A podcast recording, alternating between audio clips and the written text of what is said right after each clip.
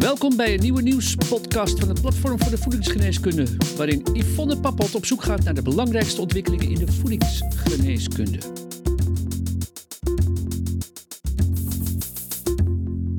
Hallo luisteraars, hartelijk welkom bij deze nieuwspodcast van Voedingsgeneeskunde, bedoeld om jou te inspireren over de rol van leefstijl, voeding en specifieke nutriënten in relatie tot gezondheid en ziekte. Ik ben Yvonne Pappot en dit keer ga ik in gesprek met Eveline van der Wel. Zij heeft bedrijfskunde en geneeskunde gestudeerd en ze heeft zich verdiept in onder meer de KPNI en DNA-profielen. Op het Voedingsgeneeskundecongres Voeding voor het Brein op 2 juni verzorgt ze twee workshops. Een vroege workshop voor de leden van de MBOG, de beroepsvereniging voor ortomoleculair werkende gezondheidsprofessionals, en een workshop te kiezen door alle deelnemers. Heel hartelijk welkom Evelien.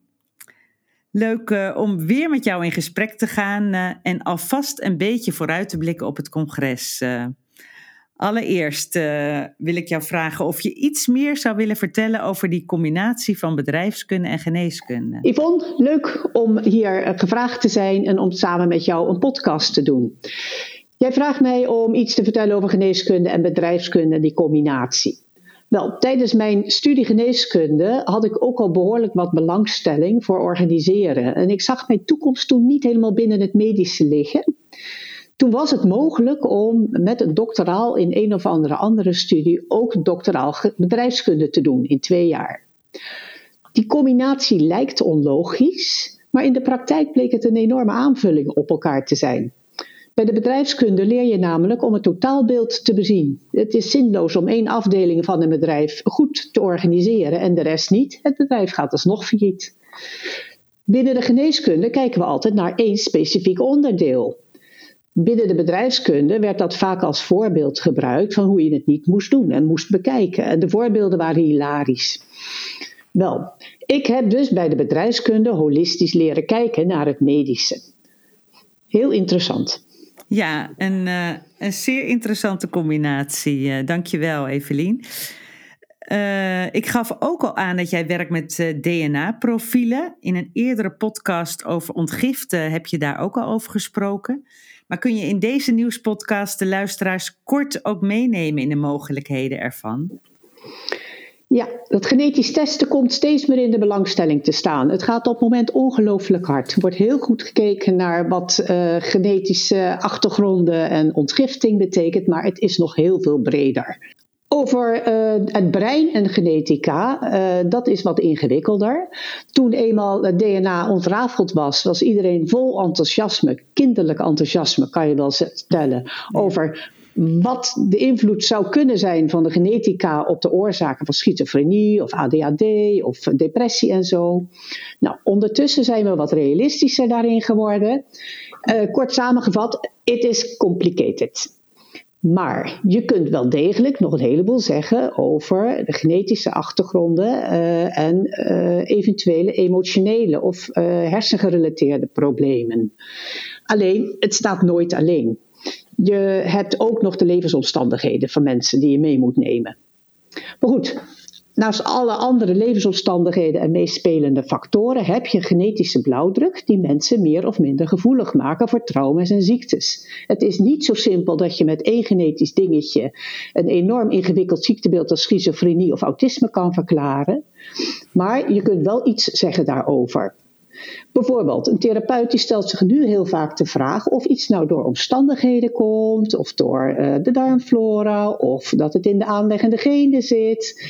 Nou, een genetisch profiel kan op dat moment uh, heel veel duidelijk maken en uh, duidelijk maken wie de kip en wie het ei is. Want dat wil je vaak weten, omdat je één van die twee wil behandelen en niet alles.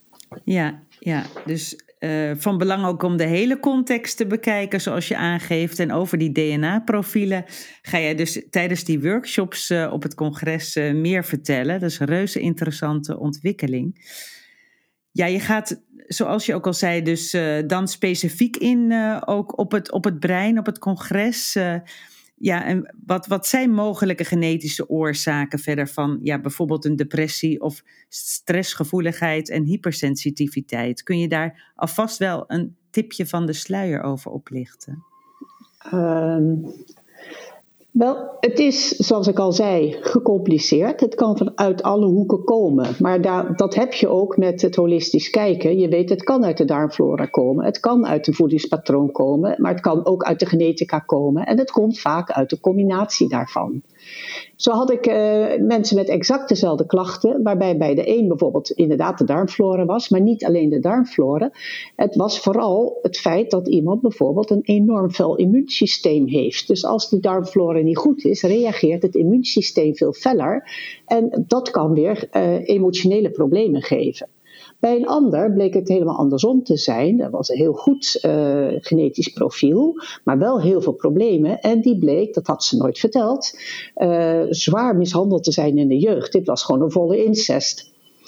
Nou, dat kan je daaruit halen. Je kunt kijken naar uh, emotioneel, hoe snel maak je stresshormonen aan, hoe makkelijk breek je ze af. Je kunt kijken naar uh, het immuunsysteem, hoe fel reageert het, heeft het de neiging tot overreageren, wordt je interleukine uh, 6 veel hoger, dan krijg je veel meer kans op depressies. En zo heb je nog een heel aantal zaken waar je ook naar kan kijken. En ik ga er een aantal daarvan in het eh, congres toelichten. In twee verschillende workshops behandel ik twee verschillende uh, combinaties van genen die invloed kunnen hebben op de hersengezondheid. Ja, en kennis van zaken is dus wel van belang om er ook uh, daadwerkelijk als diagnostische tool mee aan de slag te gaan, beluister ik.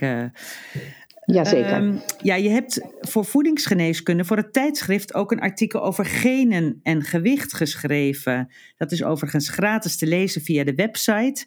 Maar wat is daarin jouw belangrijkste boodschap? Kun je dat kort samenvatten, Evelien?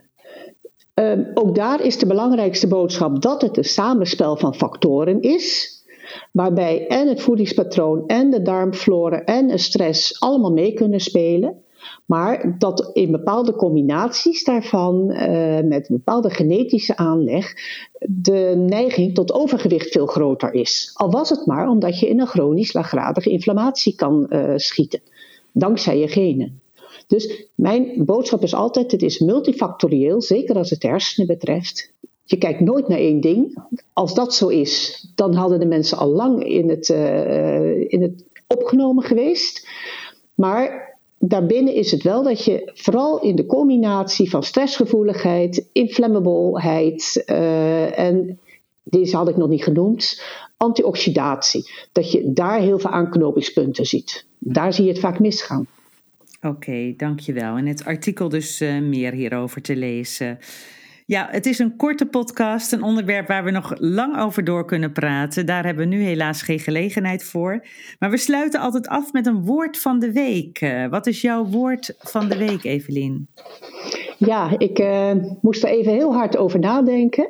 Maar ik heb gekozen voor genetica is geweldig, maar dan zonder spaties. Oké, zo maak je er toch één woord van, uh, heel duidelijk.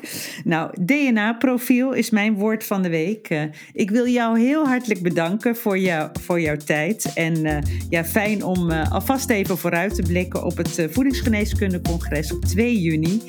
U kunt zich aanmelden via de website en het artikel is te lezen ook, ook via de website, zoals ik al noemde. Eveline, nogmaals dank en ook de luisteraars bedankt en heel graag tot de volgende keer. Via vakblad, website, podcasts en een jaarlijks congres biedt voedingsgeneeskunde al meer dan 20 jaar professionele en wetenschappelijk onderbouwde kennis. Gratis voor niets, het laatste nieuws in je inbox.